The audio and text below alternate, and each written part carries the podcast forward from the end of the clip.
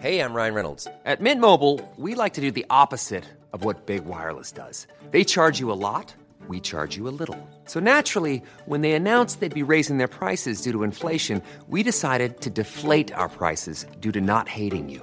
That's right. We're cutting the price of Mint Unlimited from $30 a month to just $15 a month. Give it a try at mintmobile.com slash switch. $45 upfront for three months plus taxes and fees. Promo rate for new customers for limited time. Unlimited more than 40 gigabytes per month. Slows. Full terms at mintmobile.com. Hiring for your small business? If you're not looking for professionals on LinkedIn, you're looking in the wrong place. That's like looking for your car keys in a fish tank. LinkedIn helps you hire professionals you can't find anywhere else, even those who aren't actively searching for a new job but might be open to the perfect role. In a given month, over 70% of LinkedIn users don't even visit other leading job sites. So start looking in the right place. With LinkedIn, you can hire professionals like a professional. Post your free job on linkedin.com slash achieve today. Marlene, Hej Rasmus Geil. hej. I dag der har jeg to spørgsmål til dig. Uh, kom med dem. Et, kunne du win the circle? Øh, ja. Ja. det ved jeg ikke, men jo, det tror jeg. Og to, hvad siger du til at være den, som skal sidde og sløre kønsdele i det nye, vanvittige datingshow, der kører på Discovery Plus lige nu? det ved jeg ikke. Det skal jeg jo nok nærmere spørge dig, om det er dig, der sidder i posten. Sløring og sløringsprocesser vender vi tilbage til. Velkommen til Reality Check. Det her, det er podcasten til dig, som elsker reality, men det er også podcasten til dig, som hader, at du elsker reality. Og vi starter lige med breaking news, i hvert fald nu her, hvor vi sidder og optager. Det er jo lidt dumt, når man laver en podcast, fordi den jo sådan er for skudt. Men altså, breaking, breaking news. Breaking, breaking news, og måske har I allerede hørt om det. Jeg har lige set Rasmus, nemlig inden vi gik i gang, ind på Metronomes Facebook-side. Hmm. Mm, der har jeg set, at de uh, laver, har lavet en efterlysning. Sådan en rigtig flot en, du ved, med to billeder, og du søger 5.000 kroner i forbindelse med tv-optagelser efterlyses Mikkel Kessler og Michael Mays. Hmm, hvad må det kan være? Hvad man det kan være, det er endnu ikke lykkedes at pågribe de eftersøgte. Og nu beder vi derfor offentligheden om hjælp. De eftersøgte er ikke farlige og har ikke overtrådt loven, og de er sidst set i Silkeborg.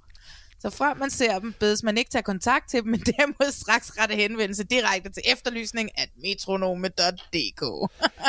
Er det simpelthen lykkedes at overtale øh, Mikkel Kessler til at være med i Jade Vildt sæson 2? Det ser sådan ud. Altså, Det glæder jeg mig sgu til. Han har været fast inventar på i UC længe med sin egen øh, serie der sammen med sin familie. Ja, jeg har ikke set den der på UC. nej, det har jeg faktisk heller ikke. Ikke andet end alt det ballade, der skabte med corona og øh, New Zealand. Og var det dem, der havde bragt ind i New Zealand, eller var det ikke? Der var alt muligt ballade om, omkring det sidste år. Ja, og sidst jeg så Mikkel, øh, hvad hedder det, Mikkel Kessler og Michael Mays samtidig, det var da de var i Dubai. Du ved, også under Gud, ja, der har de også været. dimsedutten der, ikke? Så øh, måske de bare skulle forblive under jorden. Men, altså, men det virker som om, at Jade Vildt, hvis øh, castet er på højde med Maser og Kessler, så virker det som om, at det i sæson 2 bliver mindst lige så godt som i sæson 1. I dag, der skal ja. vi endelig snakke om The Circle. Ej, det er så vildt. Og det er en awesome sæson Det af er rigtig mange grunde. Altså. Så awesome, og alle de grunde, ja. Det tager rigtig lang tid at komme igennem. Men øh, vi skal nok komme igennem dem alle sammen. Jeg er fuldstændig enig med dig. Det er awesome. Og det er altså der, vi starter. Når vi snart har snakket om The Circle, så skal vi snakke om noget af det skøreste, jeg har set utrolig længe. det hedder Naked and Afraid of Love. Og hvorfor det hedder det? Det er fordi, det er et spin-off. Og hvad det er et spin-off af, det vender vi tilbage til. Men det er en, i hvert fald noget med nogen, der skal være nøgne. Så har Discovery Plus også et program lige nu, som hedder 12 uger i helvede. Det er Hvor- et helvede for mig at se. Ja, det ved jeg godt, du synes. Altså, jeg, jeg bliver motiveret, men får aldrig gjort en skid ved det, at se det. Men det er øh, seks kendte danskere, som øh, skal coaches igennem 12 ugers hård træning og ændring af kost. Og endelig så er vi jo nødt til at snakke om øh, gift ved første blik, fordi det bliver jo bare ved med at skabe overskrifter uge efter uge. Skandaløst, altså. Det er helt vildt. Altså, jeg synes, det er en lidt grå sæson, men alligevel, når man så tænker over det, så sker der noget hver evig eneste uge, som bare er helt Det er, skørt. kuk, det er kukuk. Altså. Ja, ja. Og så kommer vi også med en lille nyhed til sidst i uh, podcasten, ikke? Jo. Kan du godt sige det? Ja. Jo, det kan vi godt se. Ja. Men hey, lad os komme i gang med vores allesammens yndlings uh, reality-program på Netflix, The Circle. Så, øh. The ultimate social media game of strategy is back, where players can pretend to be any identity they want to try to win. With more twists and turns than ever before, can they survive to the end? Or will they be blocked and replaced by someone new? With $100,000 on the line, honey, nothing is off limits. This is The Circle. The Circle på Netflix er tilbage med en sæson 3. Det er jo det her program, som tager udgangspunkt i sociale medier, hvor øh, otte mennesker bliver isoleret af hver deres lejlighed, og så den eneste måde, de kan kommunikere med hinanden på, det er øh, gennem en skærm. Ja. Og øh, det simulerer jo lidt Instagram eller Facebook eller, eller sociale medier som sådan. Ikke? I, I sidste ende er der en af, af deltagerne, som kan vinde 100.000 dollars, og løbende stemmer man så folk ud, og så kommer der nye ind.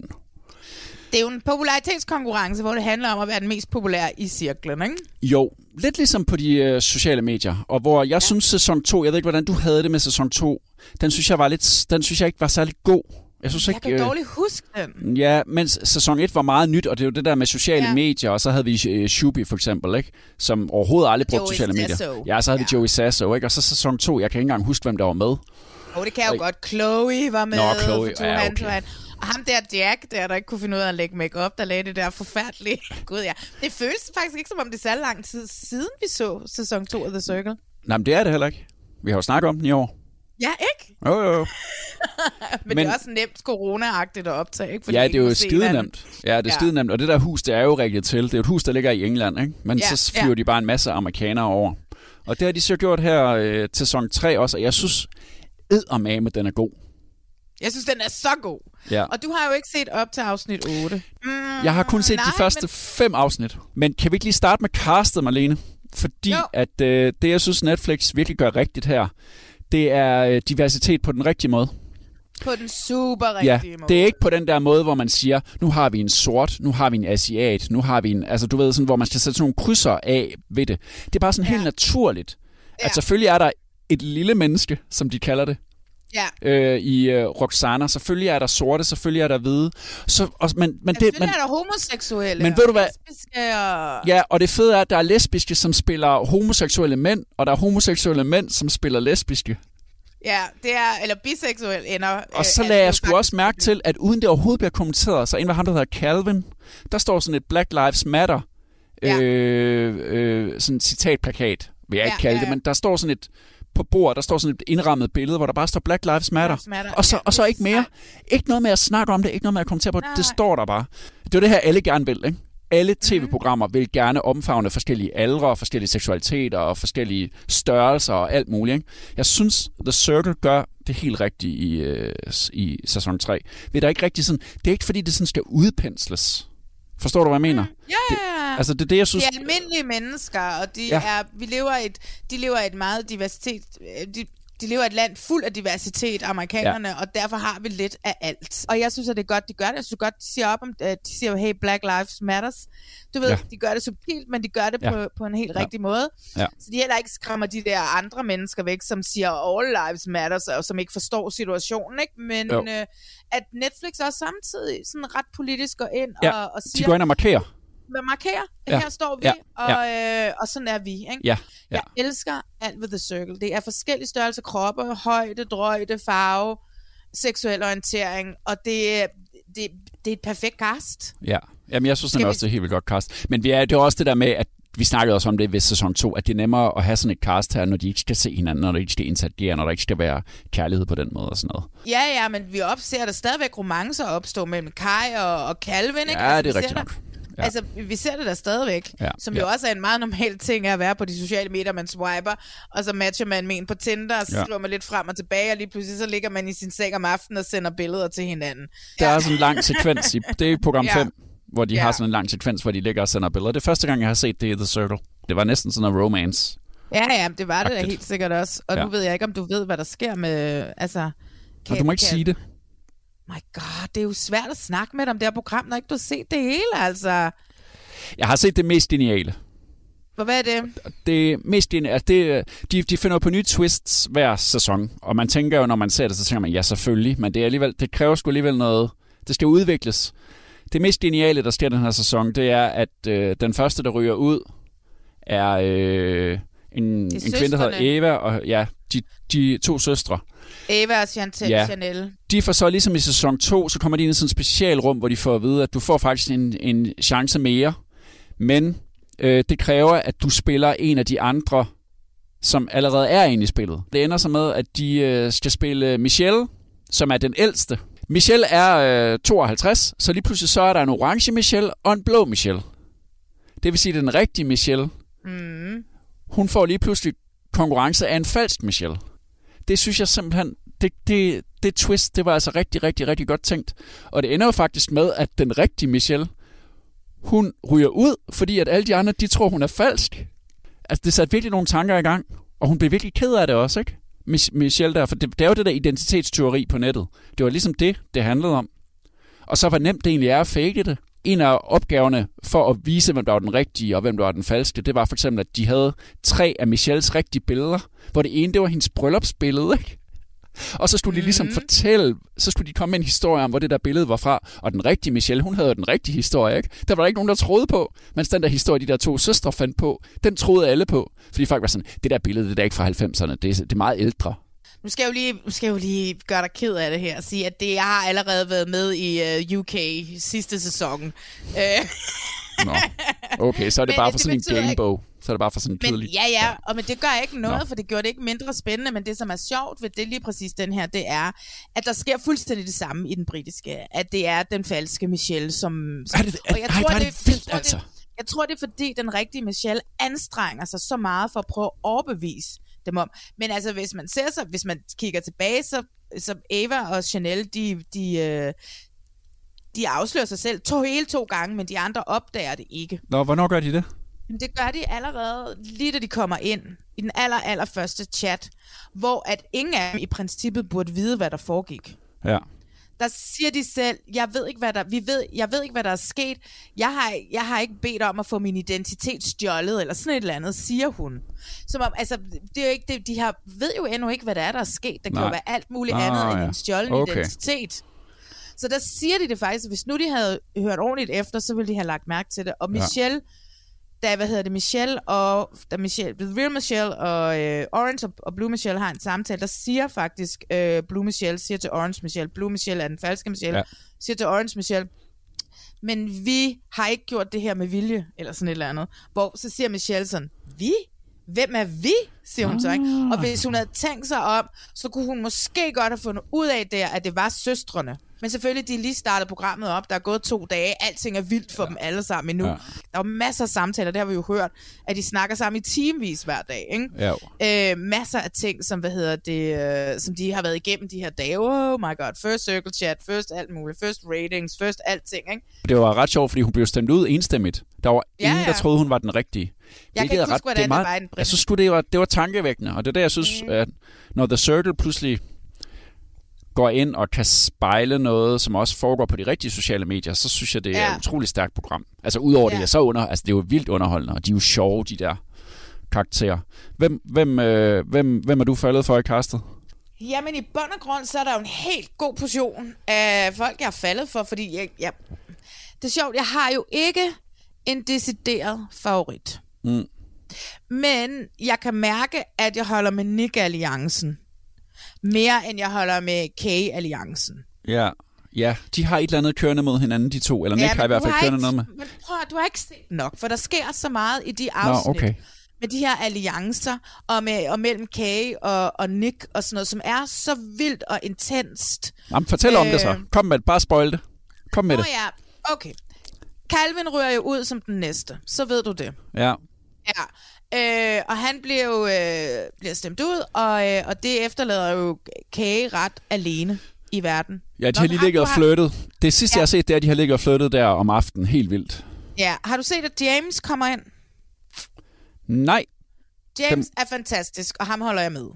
Han er en, øh, en, en, en, en, en sort komiker og DJ, som han siger, øh, you don't make money from being funny, you make... Mo-. Altså, du ved ikke, så DJ er ligesom der, hvor han tjener penge, og han er, ikke, han er, ikke, han er ikke så kendt en komiker til, at han tjener penge på. Fordi jeg tror, at Kevin Hart vil sige, ja, make money for being Ja, funny. ja, hvis, man, ja. hvis man synes, at Kevin Hart er sjov. så, øh, så, altså, så der sker så meget, som, som er så vildt. Ja. De snakker Nej. lidt meget. Altså nogle gange så... Det, fordi det foregår gennem den skærm. Det er det, jeg har. Nogle gange så går det lidt langsomt, fordi de skal sidde og snakke, og så skal de reagere på det, der står på skærmen. Og, sådan, Ja. ja. sådan. og så er programmerne jo en time lange. Jeg synes de er lidt lange. Og den der rap-konkurrence, der var på et tidspunkt, den kunne jeg også godt have undværet. Oh my god, den kunne Den jeg sagtens have undværet. fordi Hvem fuck er ham der, Lille Yardi? Ja, men han er stor, han er en stor amerikansk rapper, men for os er det jo ligegyldigt. Og det var bare... Er det ikke rigtigt? Var det ikke bare et spildt kvarter, og det tog så lang tid? De, de skulle lave sådan noget rap battle. Og de var alle sammen alt for søde ved hinanden. Der Ja, var ikke ja, nogen- så var det sådan det- rose hinanden. Til gengæld der, den første, at de skulle anmelde hinanden. Ja, jamen, det er jo det, de skal Det lave. fed de anonyme, Ja. hvor de kan være anonyme Ja. over for hinanden. Ja. Det er jo der, de Ja. virkelig godt se Ja. hinanden, ikke? Jo. Og, og det var jo der, hvor man ligesom fandt ud af, okay, det, vi er ikke en hashtag happy circle fam. Vel? Ja. Det, som jeg synes, at vi har lært med sæsonerne, og det, som jeg jo også godt kan lide ved det, det er, at, øh, at det er blevet meget mere taktisk. Joe Sasso gik jo ind og var bare sådan, jeg skal være alles ven, jeg skal have det godt, det her skal være en god oplevelse. Der var intet taktik sådan rigtig i det for Joey. Øh, og så vandt han vores allesammens hjerte, fordi hvem havde forestillet sig, at sådan en, øh, sådan en som ham ville komme ind og være så fucking likable, ikke? Ja. Øhm, men nu er det ren taktik. De ved fra starten af, at de kommer ind, at, hvad hedder det, de, øh, at det her, det er et taktisk spil. Men de ved jo også, at hvis de ser på det på Netflix's andre, øh, hvad hedder det, reality-stjerner, som er kommet ud fra Love is Blind, og igen, Francesca, vi kan ikke sige det nok gange, 1,8 millioner, jeg tjekker lige op, Chloe har 2 millioner øh, Instagram-følgere nu. De ved jo også godt, at de der 100k, de kan vinde, er jo ingenting, hvis de får en halv million følgere på Instagram. Jeg hørte en podcast i sidste uge, som bliver lavet af en fra The Bachelor franchise. Han er sådan en fi- finance dude, og han sagde, med et godt team og 500.000 følgere, så kan du tjene i hvert fald 500.000 dollars om året. Men så skal du have et godt team bag dig, mm, ja. og du skal have 500.000 følgere, og så kan du tjene en halv million dollars om året. Ergo behøver du ikke at lave en skid andet. Du behøver ikke din 8 til 4, vel? Så udover din popularitetskonkurrence derinde, så er der også en popularitetskon- popula- popularitetskonkurrence over for os, for flest følgere, så de kan komme til at leve af det her, ikke? Men okay, vi skal lige tilbage til det der med, vi holder med. Hvem holder du med? Åh, ja. Jamen, jeg holder faktisk også med Nick. Jeg, jeg, kan godt, jeg synes, han er sådan bro-typen på den sjove måde. Nick er jeg ret glad for. Så synes jeg, hende der, øh, der spiller sin søster, Isabella, jeg elsker Ja, hende. hende er jeg også ret elsker, vild med. elsker, elsker. Hun er så klog, altså. Ja, ja. Hende er jeg også ret vild med. Hun er, hun er lige kommet ind i det, jeg har set. ja. Og så synes jeg, at de der søstre også kunne noget, fordi de var sådan lidt, du ved, out of, out of this world-agtige. Hende der Eva, hende den unge af Ja, dem, ja, ja, ja. som jo var ja, popstar, som var popstjerne, eller det kaldte hun i hvert fald sig selv. Hun var altså Ja. ja. ret vild, synes jeg. De, de kunne også noget. Men, Så men, hun har 300.000 følgere på Instagram. Men altså, jeg, jeg er i godt selskab med dem alle sammen, og jeg har ikke, jeg havde lidt i sæson 2, der snakkede vi meget om det der med, at de står og snakker til en tilrettelægger, og det gør Ja. de nok også her, men jeg har ikke den samme følelse af, at der står en tilrettelægger bag dem hele tiden og siger, sig lige det der, sig lige det der, og, og sig lige det der. Det virker Nej, mere naturligt for mig, at de bare sådan af sig selv bare står og taler. Jeg er også imponeret ja. over sådan et, altså hvad det er, de kan, de der amerikanere, som det er utrolig svært at få dansk cast til. Bare på den måde, bare fyre den af hele tiden. De fyrer den jo af 100% hele tiden. Det er så fucking vildt, at de kan. Ja. Fordi Ja. altså, jeg vil jo bare ligge i sofaen i nattøj. Ja. Det kan også godt være, at de gør det. Altså, det kunne godt være, at de ligger i en nattøj 20 timer om dagen. Det, det, det ved vi jo ikke. Men jeg var virkelig imponeret over, over den der måde, at de bare kan være på. Ja. Og deres er jo- præsentationer er vildt sjove, også der, når de skal præsenteres.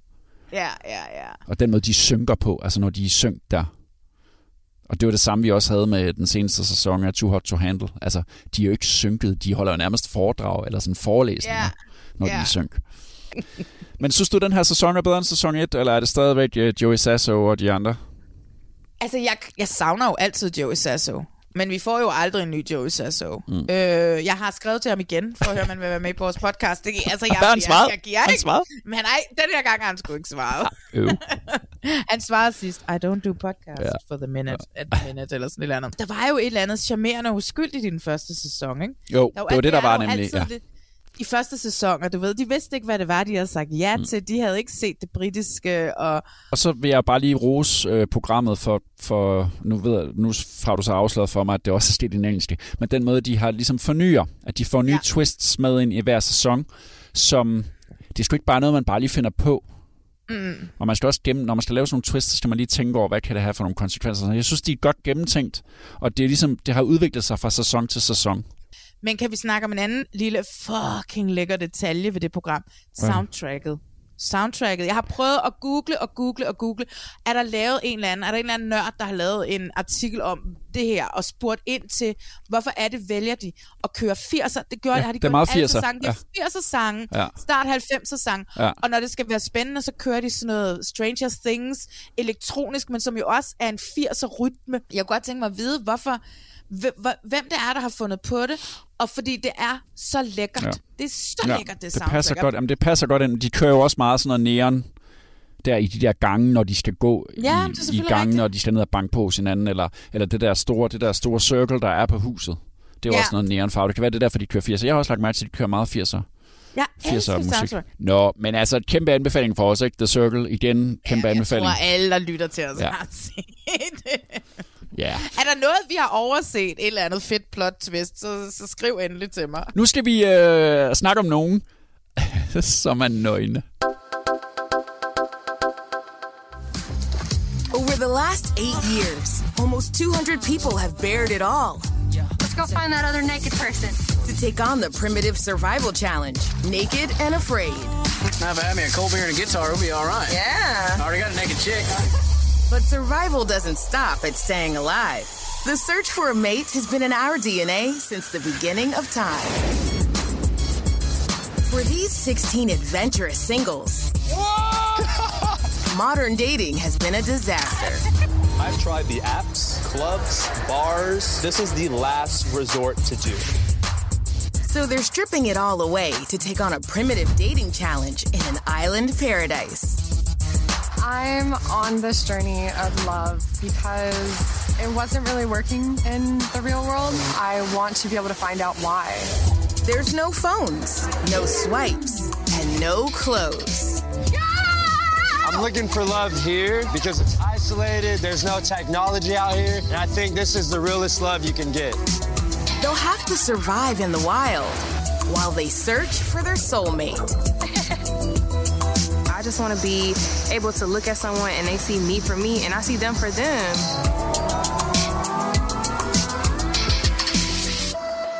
Marlene, vi bliver simpelthen nødt til at snakke om de nøgne. Fordi jeg ved godt, der både kører øh, X on the Beach og Landmand og alt muligt, men det, det, der er ikke sket så meget nyt. Og så var det, at øh, jeg lige scrollede ned over Discovery Plus, fordi der finder du tit nogle ting. Ja, Der ligger tit ting. Og så på forsiden, på forsiden, der så jeg noget, der hed Naked and Afraid of Love. Uh. Og så tænker jeg, okay, nogen der er nøgne. Øh, lad os lige øh, tjekke det ud. og det jeg så har kunne læse mig frem til, eller det jeg så har researchet mig frem til, det er, at det her, det, det er et datingprogram. Øh, et nøgen datingprogram. Det er et spin-off af noget, som jeg har set, og jeg ved ikke, om vi to også har snakket om det, som Ja, hedder? Naked, Naked and Afraid, hvor to mennesker sammen skal spendere 21 dage i junglen, to der ikke kender hinanden, ja. Skal bruge 21 dage, skal overleve 21 dage uden, uden tøj på. Og det har jo Og- altså ligesom kørt i... Det program har øh, jeg set. Det har ja. jeg set tidligere. Jeg ved, det har sikkert kørt mange sæsoner.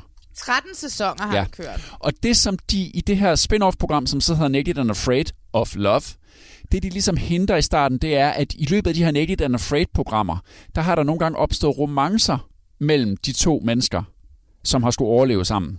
Og så er der en eller anden producent, der har tænkt, hmm, nå, hvad så hvis vi gør det her til et, til et rent fokus på dating? så forestil dig, at du er nøgen, du mødes med en fra det andet køn, der er ikke nogen homoseksuelle. Så langt er det ikke noget frem. Du mødes med en af det andet køn, der også er nøgen, og så skal I date en dags tid, og så når I så har datet en dags tid, så skal I møde nogle andre, som også er nøgne, og se om de er mere spændende at date, og når I så har datet lidt med dem, så skal I møde nogle flere, der også er nøgne og date, og det hele foregår i sådan en øh, Desert Island-agtig. Det er på Filippinerne, det er blevet optaget, så vidt jeg kan ja. finde ud af. Øh, der er ikke så meget ude om det nu, fordi at vi ser det i Danmark lige så hurtigt, som de har kunne se det alle mulige andre steder i, øh, i verden. Der er 16 deltagere i alt. Der er i hvert fald 10 programmer. Det første er halvanden time langt. Jeg har set et par stykker, og så faldt jeg i søvn. Hvor meget har du set? Jeg har set næsten tre programmer, har jeg Ja. set. Ud af fire, som vi har til rådighed lige nu i Danmark. Det, man skal tænke, det er sådan lidt tænk Adam og Eva, som var noget, som TV3 har kørt tidligere. Som jeg Men- har castet. som du har castet. og som sikkert har været et fucking helvede at kaste. Men her er der altså forfærdeligt. 16. Men her er der altså lykkedes at finde 16. Og det er, de er ret lækre. Det er sådan nogle lækre høre, Størstedelen af dem kunne sagtens have været med i The Bachelor. Altså, eller Bachelor. Ja, ja, ikke også? Jeg En af dem har også været med i et eller andet andet, ved jeg. Har jeg læst. Der er en af fyrene, som har, er ham den høje, lyshårede, som hedder... Jeg tror, det er ham, som hedder Michael faktisk, som har været med i Naked and Afraid. Altså, det rigtige Så Naked and Afraid. Det er det rigtige Naked and Afraid, ja. Så han var bare sådan lidt, "Åh, der- det her, det var jo nærmest bare en picnic, han skulle på. Han Og nu er på det et tidspunkt, Ja. han siger til nogle af de andre, sådan, siger, hvis I har brug for noget, hjælp til noget som helst, så siger I bare til. Øh, meget så, højt, det, flot ung. så overlevelsesdelen fylder ikke helt så meget, men det er stadigvæk i en jungle. Det handler så om at date. Og ja, i starten bliver de kun sat sammen to og to. Og da der er 16, så skal man igennem 16 præsentationer. Og mm. to og to skal de møde hinanden. Og det er uendelig langt, det første program. De, de, Halvanden når, fucking time, de, ja, de når kun at møde hinanden to og to i det første program. Ikke? Og selv Ja. i program 2, der har de ikke mødt hinanden alle sammen endnu. Så der er stadigvæk nogle par, der mangler at møde hinanden. Det er så uendelig langt. Det er det Ja, der, det og er det er selvfølgelig det der første møde, der er akavet, du ved. Man kommer der helt nøgen i en jungle. Og tør man det- kigge ned, og tør man ikke kigge ned. Men det er jo ligesom overstået efter det første par. Så har man ligesom det der. Og hvis der er nogen, der tror, man ser nogle diller eller nogle bryster eller noget som helst, så er alt jo bløde. Ja. Altså, første afsnit hedder Accidental øh, øh, Erection, hedder det, ikke? Fordi Oh. ham der Barack, da han møder hende, han Ah, skal være sammen med, så apparently, så hun hedder Lauren, whoop, så får han rejsning. Ja. Men som hun siger, som hun siger til kameraet, så sådan, "Nå, men det synes jeg sådan set bare, det er bare et kompliment til mig, så synes han He's jo bare, jeg er lækker. Ja, he's aroused, ja. jeg, jeg ved, de også har haft sådan nogle regler omkring, øh, altså der har været sådan nogle regler omkring øh, samtykke, og der har været øh, næsten ingen mænd på filmholdet. Øh, og så har de fået noget træning i overlevelse inden. Altså de har prøvet så godt de kunne, for at det ikke skulle, man, altså, det skulle være en god oplevelse for alle. Ja, og, men altså, som udgangspunkt, så tænker jeg, yes, det her det bliver mega fedt. Nu skal vi have nogle nøgne mennesker, og nu skal vi have noget dating. Men altså, som jeg så har set det, så et, så synes jeg, det er utrolig langt. Og så bliver det hurtigt. Jeg synes, det bliver ret kedeligt ret hurtigt. Altså, jeg har det sådan lidt, at øh, på et tidspunkt, så er der øh, Britt og Bennett. Det er, de er godt nok Ja. ikke oprindeligt sammen. Nej, men, nej, øh, nej, det er de ikke. Men, øh, men Bennett de, er den de, første mand, man ser. Ja, øh, det, og det kan jeg godt forstå, for Ja. Bennett er meget, meget, meget flot. Utrolig flot. Ja. Og øh, hvad hedder det? Bennett og hans partner Candice ender med at møde Britt og hendes partner, som jeg tror er ham, der var Nelson. Nu sagde vi, der ikke var nogen øh, homoseksuelle par med eller noget, men han er jo fluent, som han siger. Nå, okay. Nå, fedt. han tager alt. Han tager Okay. alt, siger han. Okay. Nå, fedt. Og hvad hedder det? Og så opstår der en romance mellem Britt og Bennett, og der får vi et kys. Og der havde jeg det bare... Altså, jeg synes, musikken også tit... Ah, hvorfor lægger jeg lige pludselig mærke til musikken? Men musikken var meget sådan, du ved, lidt ligesom øh, i Love is Blind. Altså, du ved, det var sådan noget ret lækkert, øh, men også meget filmagtigt musik. Øh, men det kys, der, der skrev jeg sådan i mine noter, øh, elsker det her program nu? Hvad havde det sådan lidt, da jeg så det, var sådan lidt, elsker det? Men nej, det gør jeg ikke, men jeg så ud af lidt efter.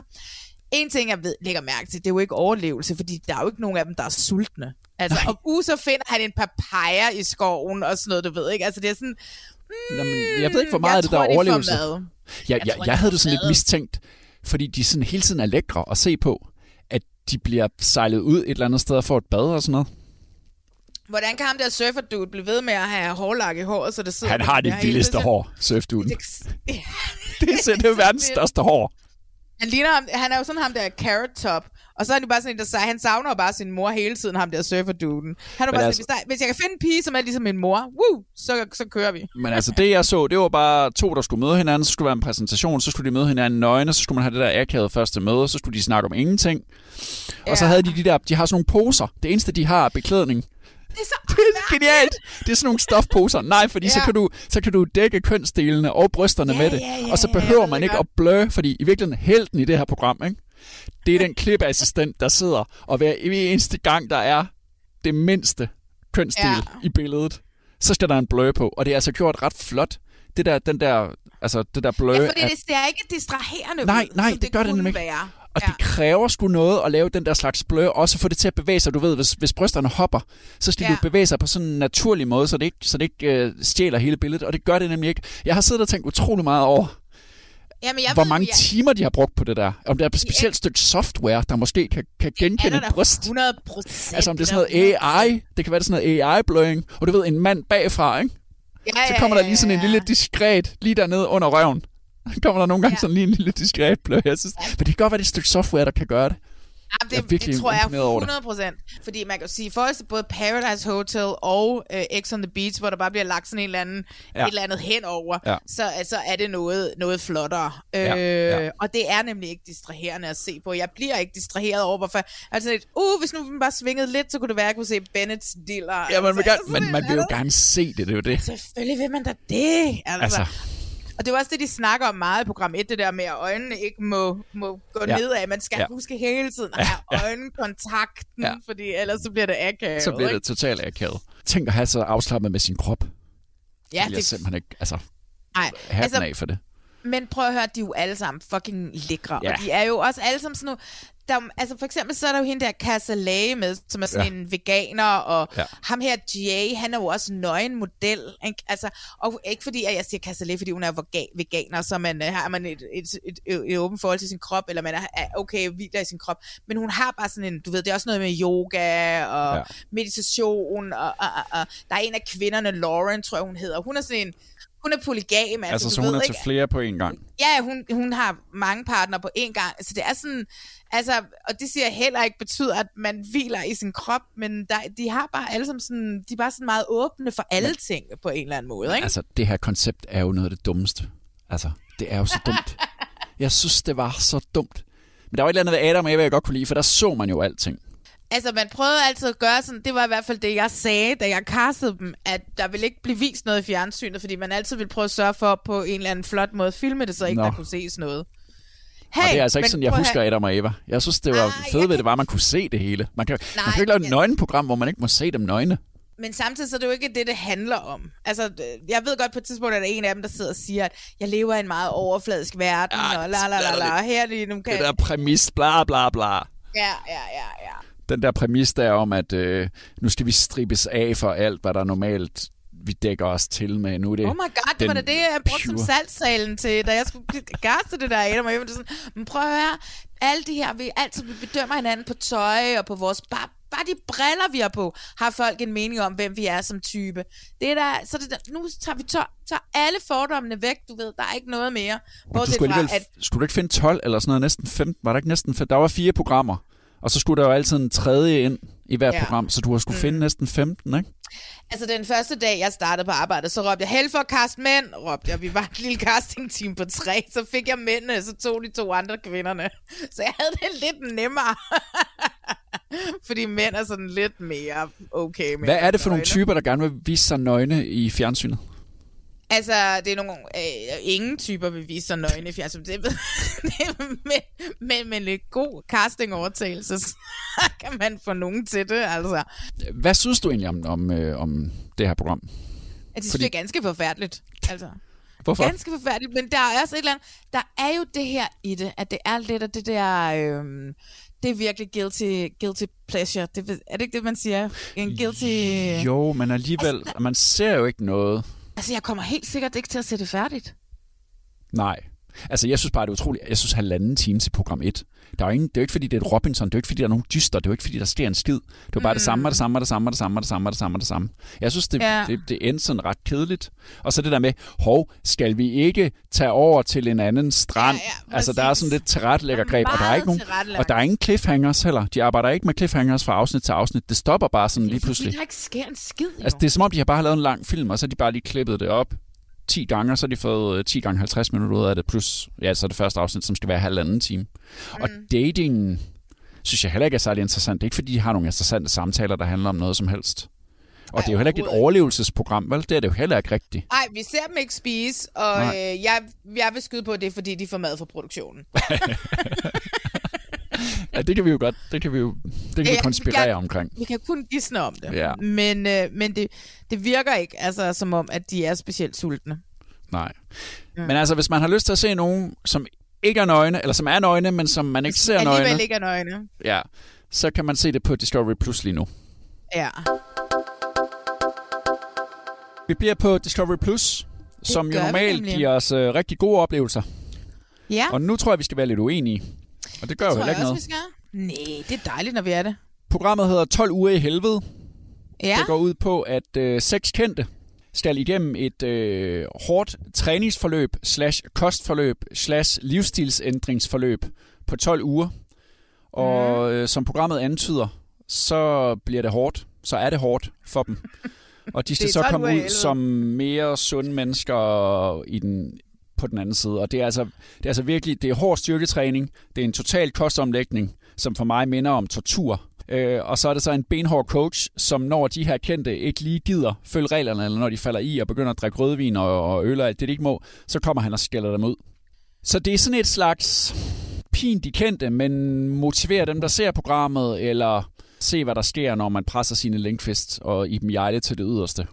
Øh, Det er i hvert fald ideen, ikke? og så er det så meningen, at vi skal sidde derhjemme og blive inspireret til måske også at tænke over, "Hmm, kunne jeg også ændre min livsstil? Ja, tak. Ej, vi bliver inviteret ind indenfor. Ej, hvor er det spændende nu. Ej. Så er det nu, ikke? Nu kunne jeg godt tænke mig, at vi lige skulle teste jeres fysiske tilstand i kroppen. Hey. Det gør virkelig ondt i knæet. Ej, hvor gør det ondt. Nøj, hvor gør den alder. Kom, hold den gående, hold den gående, hold den gående. Æd den, kom så, boys. Kom nu, manpower. Kæft, Æd hvor er. I gode. Øj, hvor gør den as. Jeg har jo ikke en ærlig muskel. Tak for lort. Velkommen til de næste tre måneder, som kommer til at ændre jeres liv. Seks kendte danskere kaster sig ud i et benhårdt forløb på 12 uger. Der har jo så kun 83 gange igen. De skal give alt, hvad de har i sig, for at få deres drømmekrop. Kom så. Her gælder ingen dårlige undskyldninger, og der er ingen smutveje, hvis de vil nå i mål til et sundere liv. Jeg kan bare ikke forsvare det længere. Det betyder, at du er ude. Coachen hedder Thor. Jeg har tidligere set ham i De Fantastiske Fem, Jeg arbejder sammen med ham og så på ved jeg, øh, ja, han, cast, han caster også en del. Ja, ikke? ja, det kan være, han kunne have Han også- castet det ja, selv, ja. måske. Men ellers så, er han jo, øh, så har han et par træningscentre, og altså, han er professionel ud i det her. Han er så skøn. Ja. Han virker også Ham meget jeg godt lide. Jeg, jeg er vild med Thor. De kendte, som skal igennem 12 uger i helvede, det er øh, Iben Jejle, det er Signe Lindqvist, det er Esben Dalgaard, der er skuespiller, har også været med i Vild med Dans. Så er det evigt smilende og grinende Cutfather, og så er det Anne-Louise Hassing, skuespiller, og så er det Simon Jul. Man må sige en ting om castet. Nu ved jeg jo selvfølgelig ikke helt, om de helt unge ved, hvem Anne-Louise Hassing er. Men jeg synes godt, man kan sige, at det er kendte men- Altså, det er rigtig kendte mennesker, ikke? Jo, men ja. det her forløb, de skal igennem, det er jo ikke for børn. Du har prøvet noget selv, ved jeg, hvor du fik Ja, ja, en personlig jeg- træner til, til, tilknyttet. Hvad, hvor- hvordan ændrer ens liv sig, når man får sådan en øh, personlig træner på? Altså, mit, det, det sluttede jo bræt, fordi corona kom, ikke? Så øh, røg jeg totalt i, og nu er jeg tykkere, end jeg nogensinde har været. Men- men, men, øh, men det er bare svært. Og derfor så tror jeg måske, det er meget fedt for dem, at de har hinanden. Og det er også derfor, jeg bliver provokeret, for eksempel. Fordi jeg var også hende, der havde nemt ved at ryge i, og min træner synes, det var pisseirriterende. Ikke? Og det er derfor, jeg godt kan se, at når sådan en som Signe Lindqvist, og sådan en som øh, øh, Imi Jejle, Mm. mm. tager ud og spiser fed mad, og lægger det op i deres fællesgruppe. Ah, undskyld, mm, ja. vi faldt lige i. At, hvad hedder det, det er da sindssygt provokerende over for de andre. De har sagt ja. ja til en paycheck. De får løn for det her. De får en gratis træner. De får alle mulige fucking ting serveret helt gratis for dem, som alle andre mennesker skal betale sindssygt dyre penge for. Og så tager de det overhovedet ikke seriøst. Jeg er sindssygt provokeret af de to i det her. Jeg synes, at det er de sidder, det eneste, de vil at, promo, at, at promovere deres podcast endnu mere, som, øh, som, som hvad hedder det, er en super populær podcast i forvejen. Det er det eneste, de laver. Sitter, sitter, sitter, sitter, sitter, og så tager de ud, og så sidder de og griner af de andre, mens de sidder og hælder rødvin ned og spiser sovs på deres kalvefiléer. Jeg synes, det er sindssygt provokerende, når man ser sådan nogle, som ham der Esben Dalgaard, som virkelig gør alt, og, og, og, og, hvad hedder det, og Simon Jul, der må spytte maden ud, når han står og laver mad, fordi oh. han ikke kan spise det, og han har sukkersyge, han kæmper med at blive indlagt på sygehuset, og når Cutfather kommer galt afsted med sin fod, fordi han, hans ting, hans redskaber derhjemme går i, der går i stykker og sådan noget. Jeg har det bare sådan lidt, de to skulle have været smidt ud i uge 1. Altså, jeg synes, det er så provokerende. Øh, de, de vil ikke engang tage tøjet af, i en, en, hvor man skal se deres kroppe. De vejer fucking 54 kilo. Og så har jeg det også bare sådan, hvorfor er sådan nogle mennesker med i sådan et program? Jeg, hvor jeg synes, at, så, at jeg synes, at vi gør grin med folk, som er tykke som mig, som virkelig kæmper med det. Altså, jeg synes jo, det er fedt med nogen, der disrupter hele øh, formatet og kommer med noget modstand. Men altså, jeg, jeg er helt med på det. Altså, jeg de- forstår de- udmærket, jeg forstår godt, hvad hvad? du De siger. kan være ligeglade, de vejer 54 kilo. Men de giver noget modstand til hele det der, det som vi alle sammen vil falde i, ikke? Altså man vil jo alle sammen ikke kunne holde til de der øvelser. Og Iben, jeg synes også, Iben Jarle har sådan en lang tudetur på et tidspunkt, hvor hun går rundt i parken, som man ikke kan mere. Ja, ja, for mig havde jeg det bare sådan lidt, okay, hun er også en god skuespiller. Fordi da jeg var i mit forløb, jeg fik ikke alt serveret på et sølvfad. Jeg skulle fandme betale for hele lortet selv, altså. Ja. Men skal man så lade Ja. være med at lave sådan et program her? Ja, eller også skal man finde nogen, som virkelig gerne vil det. Der findes der sikkert nogle skuespillere derude, som har lidt på sidebenene, som måske godt kunne tænke sig at tage det her lidt en lille smule mere seriøst, end nogen, der skal reklamere for en podcast. Sådan en som, som Cutfather, som går ind i det her, som på, på tre uger har tabt 7,5 kilo, øh, eller på fire uger, tror jeg, der har, t- har tabt 7 kilo, eller 12 kilo, eller sådan et eller andet. Ham der Esben, som passer sig selv hver eneste morgen, som har, som optager julekalendere og alt muligt andet, kører fra den ene produktion til den anden, samtidig med, vi ser han sidder i bilen og spiser, vi ser han går sine ture, vi ser han gør alt muligt.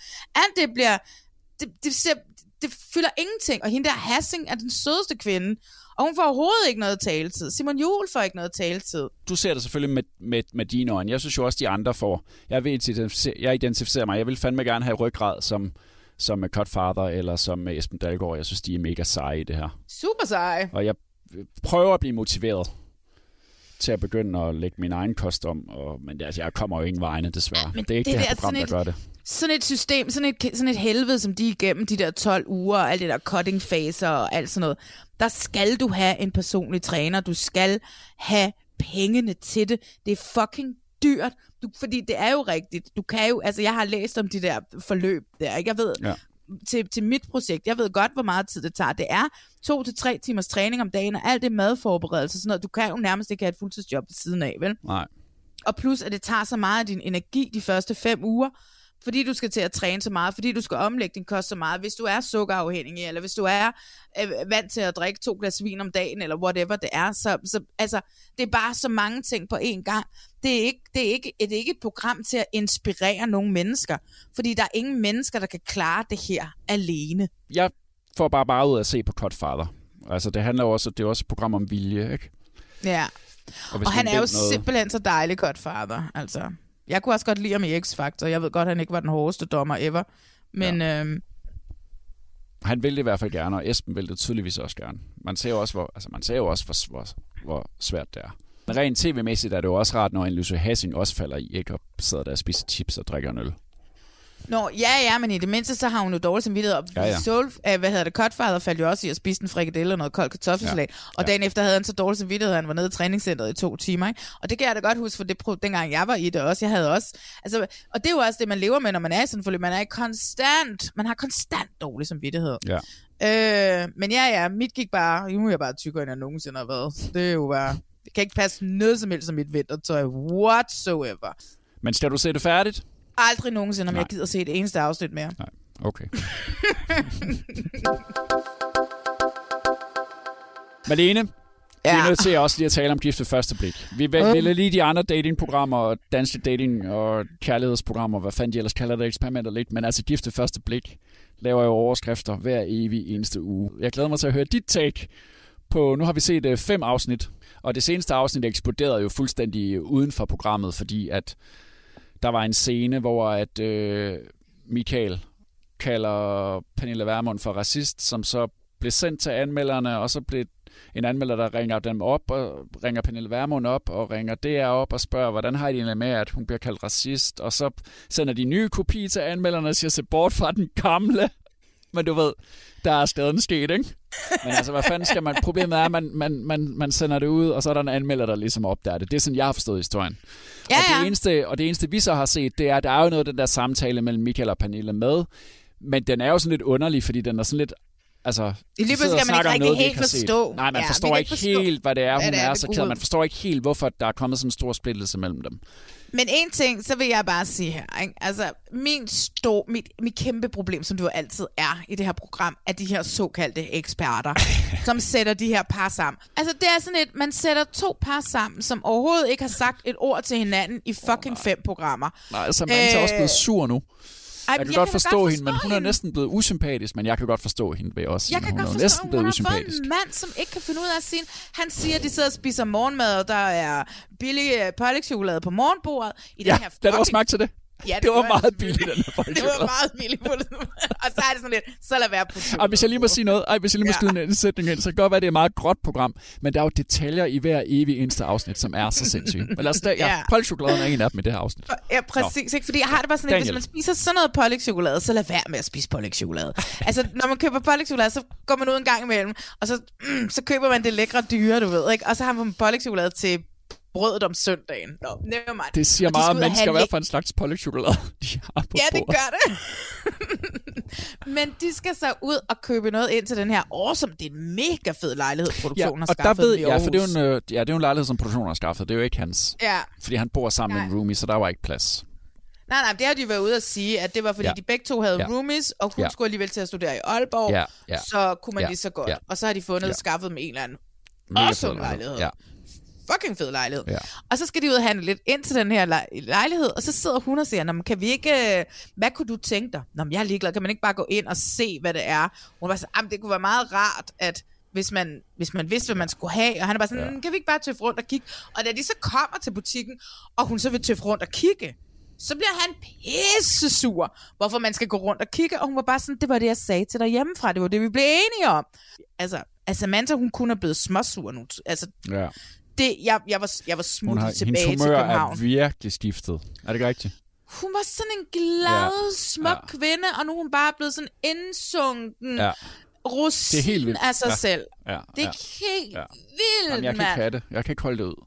Og så hvis vi skal snakke om uh, Pernille og Michael over på Langeland, ikke? Oh my god. så siger de her såkaldte eksperter i et interview, at det kom bag på os, at deres politiske til, til ståsted vil blive så stor en forhindring. Og har det sådan et, what?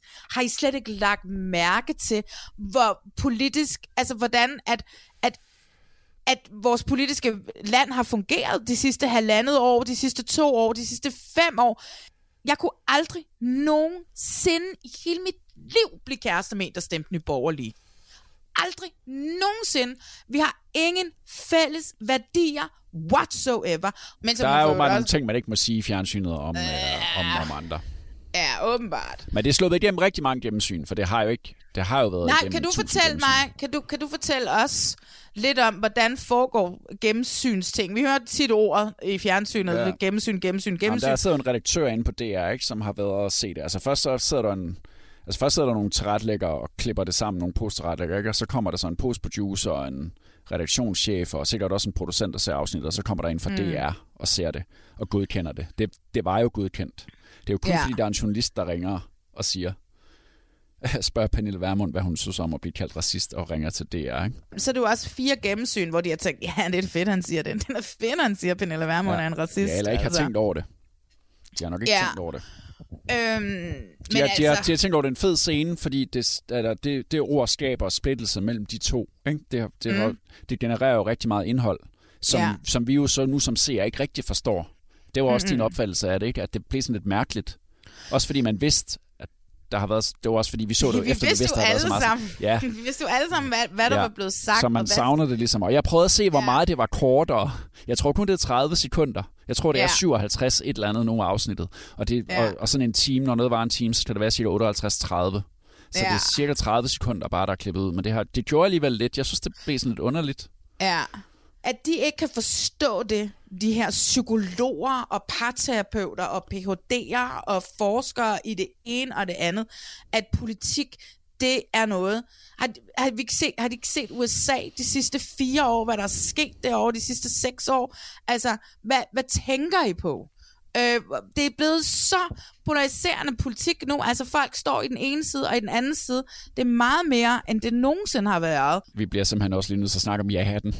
Ja-hatten slash Mm. øh, vaske. Hvordan vasker du tøj? Afhøringen. Christina og øh, Michael. Wow. Nej, jeg tror på. Er det det? Ja. Du, han er helt vild med hende. Det han er sød, når han, han Ja. er sådan helt forelsket i hende. Ja. Men puha, han, han bestod øh, vaske, vaskeregels, vaskeanvisningstesten. Lad du mærke til hvad? det? Det pissede hende en lille smule af. Ja, at han bestod testen. Det ja. pissede hende af, at han vidste, hvordan man vaskede tøj, og hun ikke kunne rette ham. Hun var Han sådan, har både, fuck. både det der med de 30 grader, og det der med aldrig at blande hvidt og, øh, og, og farvet. Jeg tror, at på en eller anden mærkelig måde, Tror du på dem? så tror jeg godt, det her det kan fungere, fordi okay. han er en pleaser. Ja, det er han. Og Men er det hun, fedt i længden? Jeg har jo altid sagt, fordi jeg tror jo, jeg er lidt ligesom hende, ikke? Jeg er jo en god kombination af hende og så Mette. Mm. Og jeg har altid sagt, at jeg skal have en, der kan sætte mig på plads. Men så er der også rigtig mange af mine venner, som har sagt, måske skal du bare finde sådan en sød fyr, der bare synes, du er dejlig for den, du er.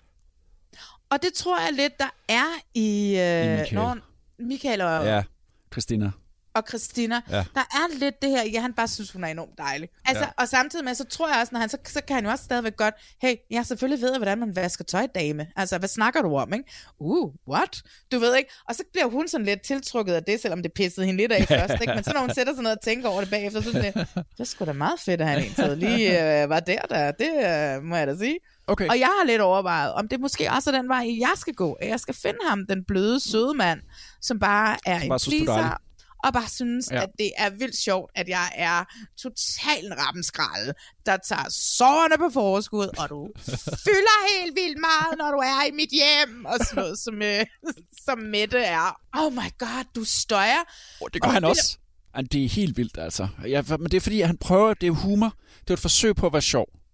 Og det kan godt være, hvis man er på... Jeg er bare overhovedet ikke på bølgelængde med ham.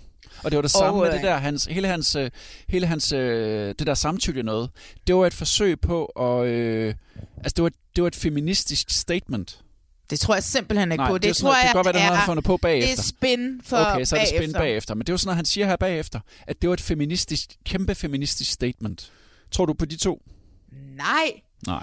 overhovedet ikke. De modarbejder hinanden hele tiden. Er man ikke vildt gift første blik? Det er virkelig bare det program, der sætter alt muligt i gang. Altså alt muligt i kog. Det er det mest reality, reality-program, Jamen, det må være, der er fordi- i, i fjernsynet lige nu. De der personligheder står så tydeligt frem.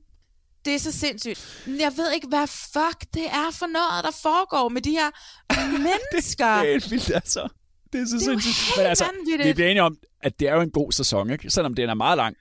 Det er lidt lange afsnit.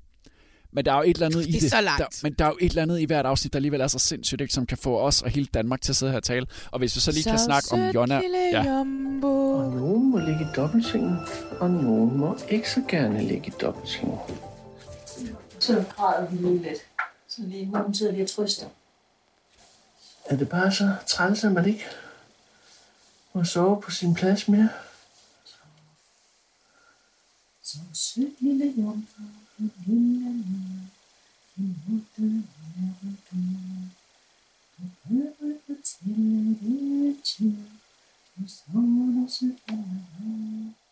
det er jo ikke første gang, vi har hundedilemmaet, vel? Altså, der var Nej. jo også et par for et par sæsoner ja, siden, hvor han ja. nægtede. Der var den der måtte- kæmpe store hund der. Ja, ja skulle den skulle bare og sove i sove? sengen. Ja. Ja, så måtte hun forsvinde ja. ud af soveværelset. Ja, ja, det var ret det er vildt. også Det er Mejlehund, ja, det er, det er helt galt. Men hvad hedder det? Men Karsten er jo også, altså der er det jo også lidt, fordi der tro, jeg troede jo også lidt på Karsten og, øh, og Og Jonna og. Gabi. Ja. Øh, men hvad hedder det? Så sender han sådan en eller anden mærkelig sms. Og hvorfor må vi ikke få noget at vide om den sms? Hvad har han skrevet i den sms? Jeg vil vide det, Marlene. Ja, men der er noget med noget om, at Ja. ja. han ikke føler, at der er plads til ham i hendes liv. øh, nej, hun har et travlt liv, og ja, de, hun havde brug for en kal ud til stallen, ja. og det Ja. ja. er derfor, du nu er Ja. ja. gift med hende. Altså, det er jo vildt, ikke? Det har både igen, det har været op og vende i presselogen. Ej, jeg var så ked af ja. Jacob Nielsen for at Ja, han ikke var der, så han kunne han sidde og var sige, blevet så at- ja. pissesur Han var over, at han sur igen. snakke om reality. Der var ingen af dem, der var sure, desværre. Nej, det var der ikke. Øh, men de var alle sammen meget, meget klare spyttet over, at de ikke så programmet. De ikke vidste helt, hvad det gik Ja, ud på. det pisser mig af. Men det er lidt ligesom, du ved, det der, jeg tror, jeg fik sagt en gang, at jeg, vi skrev lidt om ham, Jakob Nielsen for altinget, hvor jeg sagde, at måske er det ham, som øh, hader han elsker Ja, men han- reality. Ja, men han var til, jeg synes til gengæld, det han sagde var sejt. Altså, der var han til gengæld, det var sejt nok. Der, han havde lavet et statement, ikke? Sådan Ja, et ja, helt han ærligt ikke, statement. Det her, det var mere sådan, du ved, de var lidt for fine til at se det. Han var bare sådan, det skal jeg overhovedet ikke beskæftige mig med, det lort. Ja, det, altså det er ikke, det er ikke, står ikke med jobbeskrivelse, Nej. jeg skal beskæftige mig med reality-tv. Og ved du hvad, det er rigtigt. Og Fair så nok, voksede ikke? min crush på ham en lille smule. Ja, Nå, men, men altså, altså lige nu, øh, du er jo øh, matchmaker. Hvad skal vi sige? Er det 0 ud af 5? Eller tror du alligevel på øh, Michael og Christina? Altså lige nu er Michael og Christina det eneste par, jeg kan se, der ender sammen. Men det kan også godt være, at Jonna og Karsten finder den her hverdag på Jonnas gård. Og Karsten lærer at elske de der dyr. Ja. Men, men Karsten er bare et mere socialt menneske, ikke? fordi hun bor sammen med en masse dyr. Mm. Det har ligesom været hendes bofællesskab. Ja. Hans bofællesskab har været det der oldekolde. Så det kan også godt være, at han kommer til at savne det der med at sidde ned med en masse mennesker om aftenen. At det ikke kun er Gabby og, og hestene og, og Jonna. Ikke? Men hey, der er tre afsnit igen. Og Jeg glæder, altså, mig, jeg glæder mig så altså, meget til at det er bare... Det bliver vildere og vildere og vildere og vildere, selvom det, Det er... er en god sæson. Malene, Mm. så er det vores øh, helte og vores øh, skurke. Ja, jeg synes, du skal starte. Ja, så vil jeg gerne øh, udnævne øh, min held. Altså, Hvem det, det? burde jo være det der stykke AI-software, som du har overtalt mig, eller som du har overbevist mig om, at den der, den der blør alting i Naked and Afraid of Love. Ja. Men øh, i stedet for, så vil jeg gerne gå til The Circle. Og på Netflix, som jeg altid synes kaster kæmpe store karakterer af sig. Mm. Og øh, vil gerne udnævne Michelle som en held. Både den blå og den orange. Og det vil jeg gøre, fordi at det, jeg ved, hvor svært det er at finde på nye twists. Og så kan det godt Ja. være, at det har stået i en eller anden manual, og du har afsløret for mig, at det allerede er brugt. Men øh, hver gang jeg ser et nyt twist, som jeg synes fungerer utrolig godt i, i, i, i et koncept, og som har givet mig noget, det er det, der helt klart har givet mig mest i det, vi har set siden sidst, hvor jeg har tænkt, Mm. hold da kæft, det er alligevel godt tænkt, det der. Ja. Så The Blue Michelle og The Orange Michelle fra uh, The Circle er helt klart min held. Min held, det er Samantha fra øh, Gift ved første blik. Ja, det var min Fordi- held sidst, men altså... Jeg, Ja, men nu er det min. bare så sur. Hvad den stakkels kvinde ikke må gennemleve for det her fucking program, som hun virkelig har troet på. Fordi ja. en ting kan vi sige, der er rigtig mange mennesker, som går med i reality-programmer for at blive kendte. Og det gør de her mennesker aldrig nogensinde. Nej. Det er så sindssygt. Øh, så min heldinde er den her smukke, smukke kvinde, som nu er blevet en skygge af sig selv på grund af det her program. Jeg vil bare sige, jeg støtter dig, ja. og øh, jeg, jeg er holder sikker på, med at hun dig. nok skal finde kærligheden derude. Det er Ja, jeg håber, hendes DM på. flyder Det kan være, allerede- over med mænd, der vil have kan være, hun allerede har fundet en. Så hvad hedder det? Så det er min held. Så Ja. ja. er det din skurk? Ja, og det er Morten fra Gift til første blik. Det er simpelthen, jeg, jeg, jeg forstår ham ikke. Nej. Øh, og det er simpelthen derfor. Jeg forstår simpelthen ikke øh, den der måde, øh, han, han øh, er på. Der er vi simpelthen bare vidt forskellige. Ja, jeg jeg ikke tror, det der han med, er- det var, og det der med det der samtykke, at det var et feministisk statement, det forstår jeg heller ikke. Og når du, du gør det, så er jeg jo på og grund også fri for det. Fordi så er det også altid sådan, "Åh, så er det hende der feministen, og, så, og sådan noget. Så jeg gad ikke engang at vælge ham til at være min skurk. Min skurk har jeg derimod valgt. Jeg er sikker på, at jeg også gjorde det i sidste, i sidste sæson. Det er Gert Hall. Min skurk er Gert Hall, den såkaldte overhovedsekspert i det her program. For nogle andre typer til at gå ind og vælge de her. Jeg synes, Gert Hall, han gør et virkelig lortearbejde. Sæson efter sæson efter sæson. Marlene, det var øh, den her version af Reality Check, og øh, det er faktisk også den sidste, som jeg er med i et lille stykke tid i hvert fald. Et godt stykke tid. Jeg har sgu brug for en pause, og øh, det har gjort dig så utrolig ked af det, ved jeg. Og det var jo ikke min mening. Øh, men da jeg fortalte det til dig, så blev du simpelthen så ked af det. Jeg begyndte at græde. Ja, og det, det, det, det, det havde jeg slet ikke overvejet. Og nu Øhm, begynder så jeg næsten at græde igen. Så det var som at slå op med en kæreste, og det havde jeg virkelig ikke overvejet, fordi for mig har det har været et øh, hytteprojekt, som vi har lavet i øh, tre år, og det har mm. været helt fantastisk, men det har også været utroligt tidskrævende, og det er nok øh, grunden til, at jeg simpelthen er nødt til at bede om en pause nu. Det har bare været os to. Det har Ja. været os to. Det har været vores projekt. Vi har bygget det op. Vi har siddet og snakket uge efter uge. Og vi har fået rigtig mange skønne, skønne lyttere. Ja. Altså faste ja. lyttere, som Ja. skriver til mig. Og... Ja, og det er jeg også rigtig glad for. Mm. Mm. Øh, men det tager sindssygt lang tid at lave sådan noget her. Og det kan godt være, at man Ja. ikke tænker over det, når man hører den. Men den skal jo klæbes, ikke? Og Mm. vores aftale har været, det er mig, der klæber, fordi du har din rants, og det skal du også Ja. bare have. Men de skal også ligesom nogle Men- gange styres. så skal de styres. Modereres. Og så skal man se alt øh, reality, og for mig er det også efterhånden blevet lidt en pligt. Det er sådan lidt, jeg føler det nu, når jeg sidder og ser, jeg elsker også reality-tv, men det er sådan lidt en pligt, og så skal man Ja. nå det. Og lige nu har vi begge to sindssygt travlt. På arbejdet, Øh, ja. På, vores rigtige arbejde. På arbejde. Men altså, du har tid til at lave det her alligevel, øh, og det vil jeg måske også godt have, men jeg har simpelthen lige brug for en pause. Øh, men reality check kører videre. Ja, indtil videre har vi snakket om, at vi Ja. du lige tager starte med at tage en pause på, Ja. på et par måneder eller tre, Ja. og så Ja. kigger vi på det igen. Yes. Men det betyder ikke, at jeg ikke kører videre, fordi jeg elsker at lave reality. Og, rea- jeg elsker at lave reality check. Ja. Også selvom du selvfølgelig har ret nogle gange, så er det virkelig mærkeligt, at det er blevet en pligt at skal sidde og se et afsnit af Robinson-ekspeditionen, Ja. ja. som i gamle dage man nød, ikke? Og man er sådan lidt bagud. Øh. Ja, og du sidder og ser dem to gange. Jeg sidder og ser meget af det to Det gange. er også, for hvis, ligesom jeg også lige må, hvis jeg lige må skyde noget ind, så er det der med forberedelsen er også...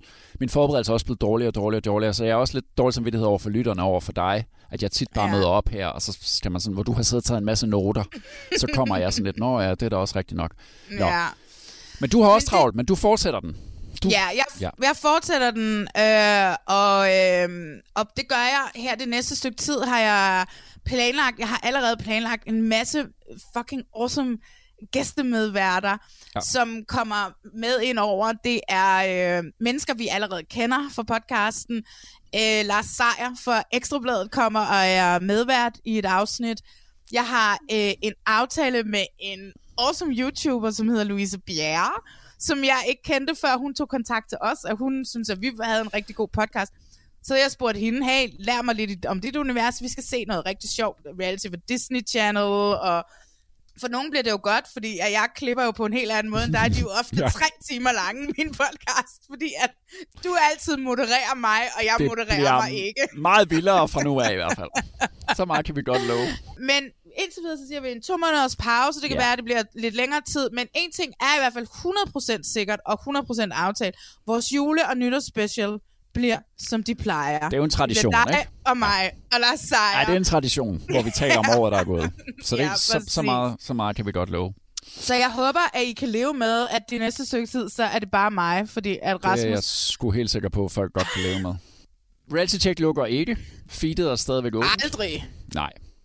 Og øh, hvis man gerne vil have fat i dig, Ja, så... Så- så gør man, som man hele tiden har gjort. ja, Så går man ind på vores Instagram sådan øh, reality check. Jeg lover, jeg svarer lige så hurtigt jeg kan. Der var en, jeg overså forleden, som gik der et helt døgn, inden jeg fik Ej. svaret hende, og jeg havde helt dårligt som video. Sådan, Ej, undskyld, undskyld, jeg havde ikke set den.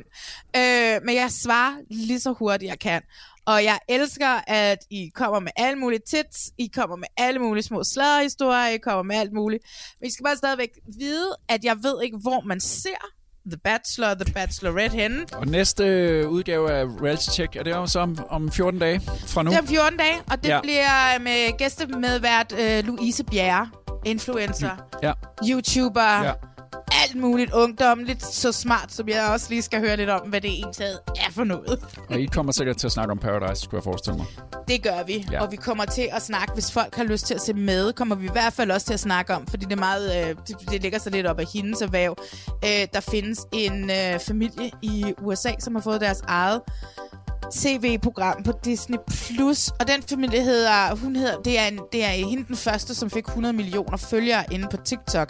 Charlie D'Amelio, og der, de har fået en, øh, et, øh, de skal være de nye Kardashians på Disney+, Plus, og de har fået et øh, uh, familieshow, der, der, der hedder The D'Amelio Show. Det skal vi snakke om, fordi hun er ligesom en influencer og alle Ja. ja. mulige ting og sådan noget. Ikke? Så, øhm, og så skal vi sikkert snakke alt muligt andet også. Så øh, vi Og så kan snakker det hele. Ja, så kan vi også snakke om reality-stjerner og deres øh, sociale medieprofiler, hvordan man bruger dem bedst og sådan noget. Mm. Har jeg helt sikkert også tænkt med. Ja. Ja. Og der ved jeg også, hun har nogle pointer, det har jeg snakket med hende om. Ja. Ja. Så, øh, så helt sikkert alt sådan noget kommer vi Giv nogle gode råd til de nye paradisoer, som lige nu er i gang med at storme op af følgere, Mange Ja, hvis hun har lyst til det. Det er jo ikke sikkert. Nej. det vil jeg glæde mig til at høre. Så Marlene, for nu er det her jo mit sidste øh, farvel og mit sidste vink. Oh my god. Og ved du hvad, jeg plejer altid at gøre, inden vi går i gang med podcasten, inden vi begynder, inden vi trykker optag. Det kan Ja, være, det jeg skal jeg gøre det nu her, Ja, inden det vi skal du. slutter af. For jeg plejer altid at klippe det ud. Nu lader det være.